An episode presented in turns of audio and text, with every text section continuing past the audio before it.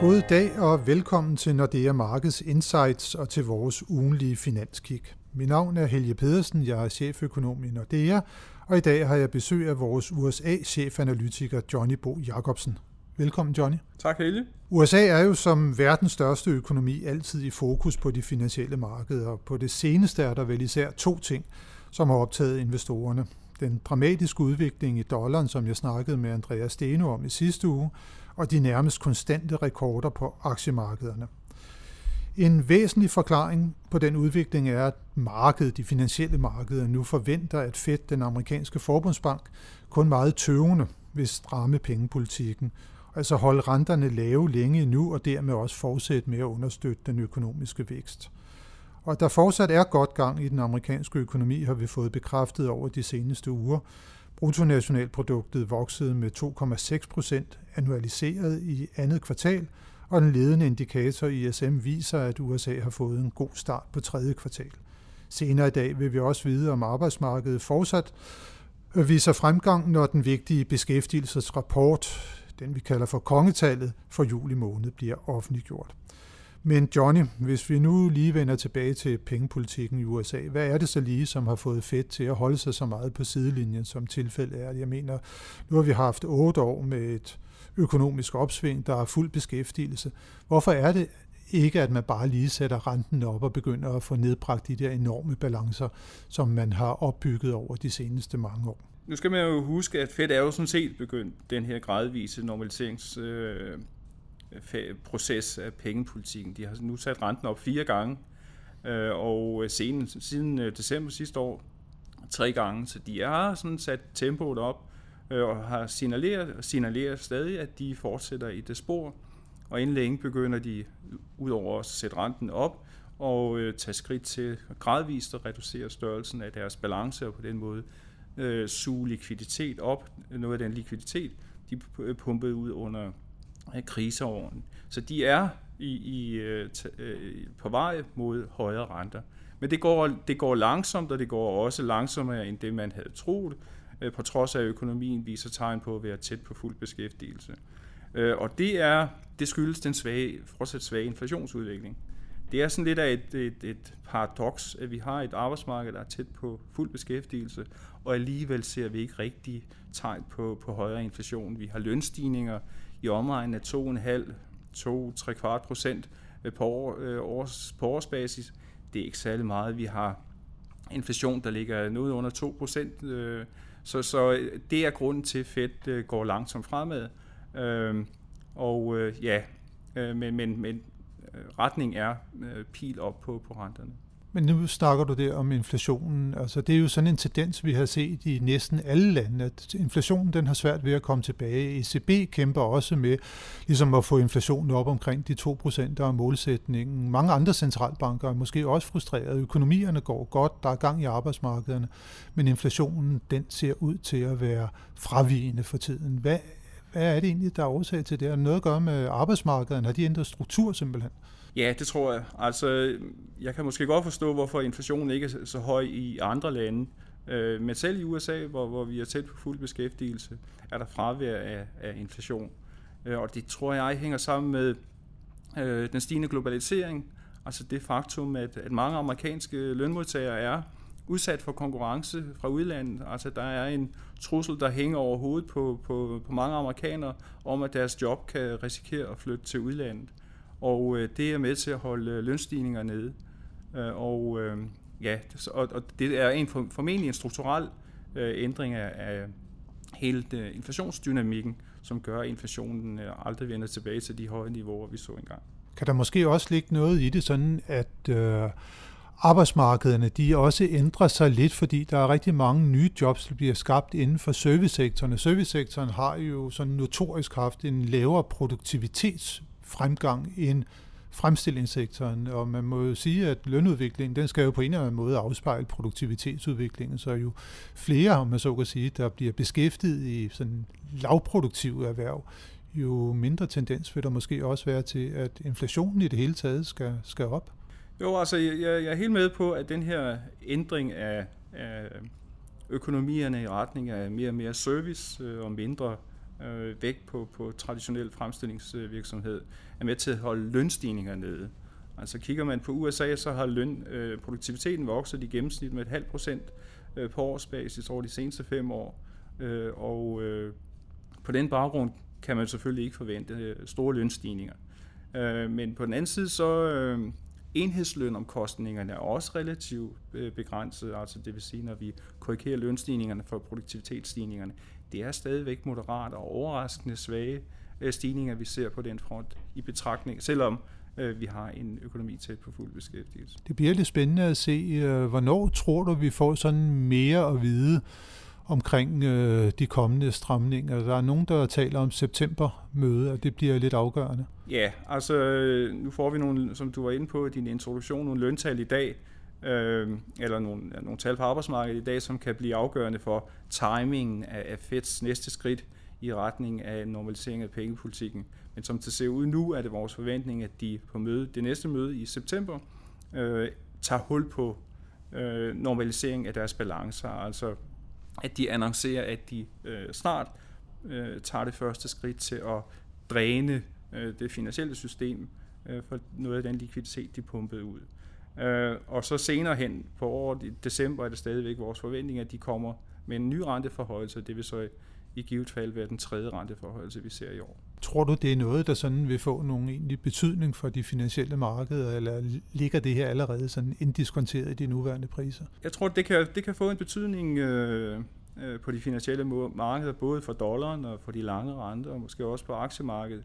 Fordi, øh, som du også var inde på i din introduktion, markederne indpriser ikke særlig øh, mange yderligere renteforholdelser fra Fed.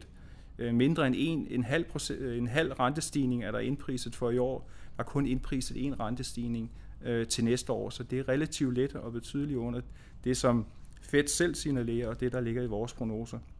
Så det kan godt blive øh, komme som en overraskelse for markederne. Noget, der kan være med til at, at, at påvirke dollaren og de lange renter, som jeg er inde på. Øh, og øh, så er der yderligere øh, øh, den joker, der her, hvordan kommer markederne øh, til at reagere på, at Fed nu begynder at reducere størrelsen af deres balance. Det Fed har signaleret indtil videre, det er, at de kommer til at gå ganske langsomt frem, men i løbet af 2018, så ligger der øh, relativt store opsugning af, af likviditet og øh, øh, i, i Feds planer. Og det, det er en joker, som kan gå hen og påvirke de lange renter og, mm. øh, og dollarerne, selvfølgelig mm. også aktiemarkedet. Mm. Det bliver, det bliver spændende at se. Øh, men hvis vi lige sådan går lidt videre med sådan den økonomiske udvikling i USA, altså det går fremad. Øh, det går ikke så stærkt, som øh, Donald Trump han øh, kunne ønske sig, men øh, Hvordan ser du her på, på andet halvår? Hvordan kommer det til at blive? Jamen, det, det kan også blive øh, rent politisk en, en noget af en rodebutik. Øh, der har været masser af uro øh, her på det seneste. Øh, Trump har svært ved at få øh, leveret på sine øh, politiske øh, løfter. Øh, der er stadigvæk slagsmål omkring øh, Obamacare og få Trumpcare igennem. Der er øh, og, og, og så en masse rod i, i, det, i det hvide hus, og jo mere tid der går med de to ting, øh, og med Ruslands sagen osv., jo mindre tid øh, øh, bliver der til at diskutere stimulanser til økonomien, øh, skattenedsættelser. Øh, og det er, stadigvæk, det er stadigvæk mine forventninger. Der kommer skattenedsættelser til næste år, men der er en endnu større usikkerhed nu øh, om timing, hvornår det kommer, øh, også hvor store de bliver, og om skattenedsættelserne bliver permanent eller mere øh, midlertidig natur. Øh, og Øh, Øh, risikoen er, at øh, hvis det viser sig, at Donald Trump får svært ved at levere på, sine, øh, på sin agenda, øh, at han så begynder at kaste sig over mere protektionistiske tiltag. Øh, et område, hvor et politikområde, hvor han har øh, langt større beføjelser, end han har på, øh, på, på finanspolitikken eksempelvis. Mm. Der var jo meget snak om, at øh, i hvert fald under valgkampen, at nu ville Trump og USA komme til at pålægge Kina og Mexico en ret betydelig tolv. Det har vi ikke rigtig set noget til. Nu nævner du, at det kan være, at jo mere han bliver stikket indrigspolitisk, jo mere vil han måske agere på den front. Men hvordan føler du, at stemningen er omkring øh, de her mulige øh, 12 satser og den mere protektionistiske linje i almindelighed?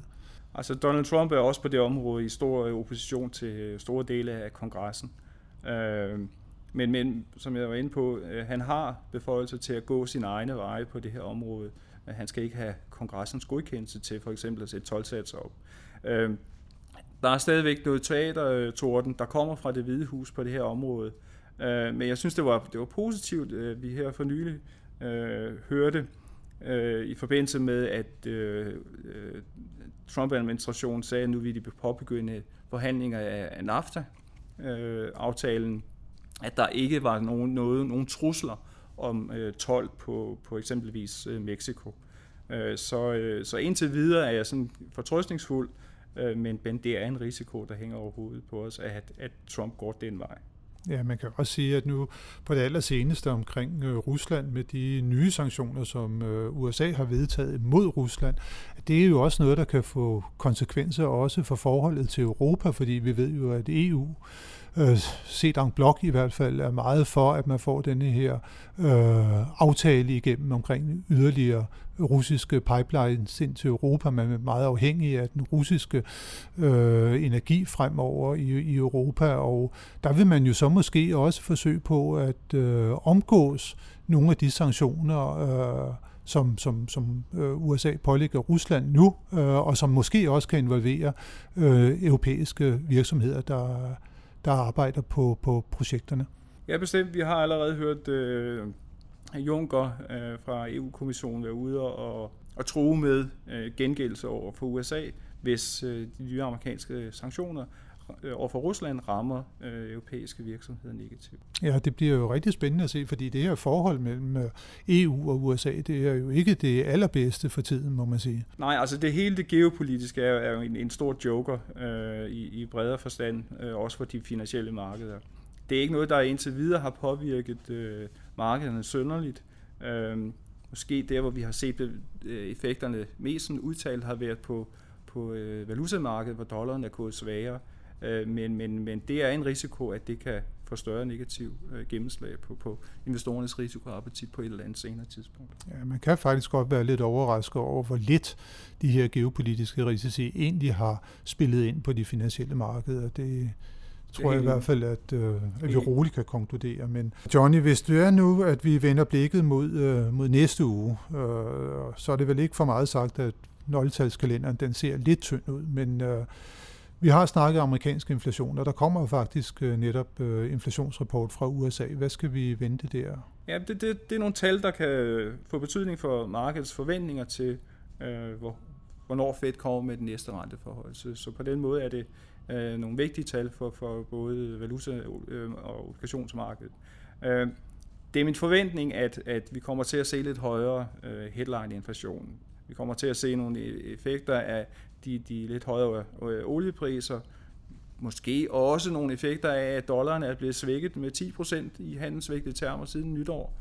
Øh, og, øh, øh, men, men kerneinflationen, og det, det er den, der bliver vigtig for, for øh, hvor hurtigt Fed kommer til at gå frem, ligger stadigvæk underdrejet. Så, så en uændret kerne CPI-inflation på, på 1,7 er, en, er min forventning, men jeg regner med headline-inflationen øh, tager et lille øh, nyk opad til, til 1,8. Stadigvæk behersket inflation. Det skal blive øh, spændende at se, hvad inflationen kommer ud på, og så skal vi jo også lige nævne, at der er, der er nogle interessante øh, taler også fra Forbundsbankdirektør i næste uge, heriblandt Dudley fra New York Fed og Kaplan fra Dallas. Men øh, vi er ved at være igennem øh, i dag. Johnny, så tak for nu. Det skal blive spændende at se, hvordan det kommer til at gå i næste uge, og også tak til alle jer, som har lyttet med. Det håber vi også, at I vil gøre i næste uge, hvor vi er tilbage med friske analyser og vurderinger af de finansielle markeder. Tak for denne gang, og på genhør. thank you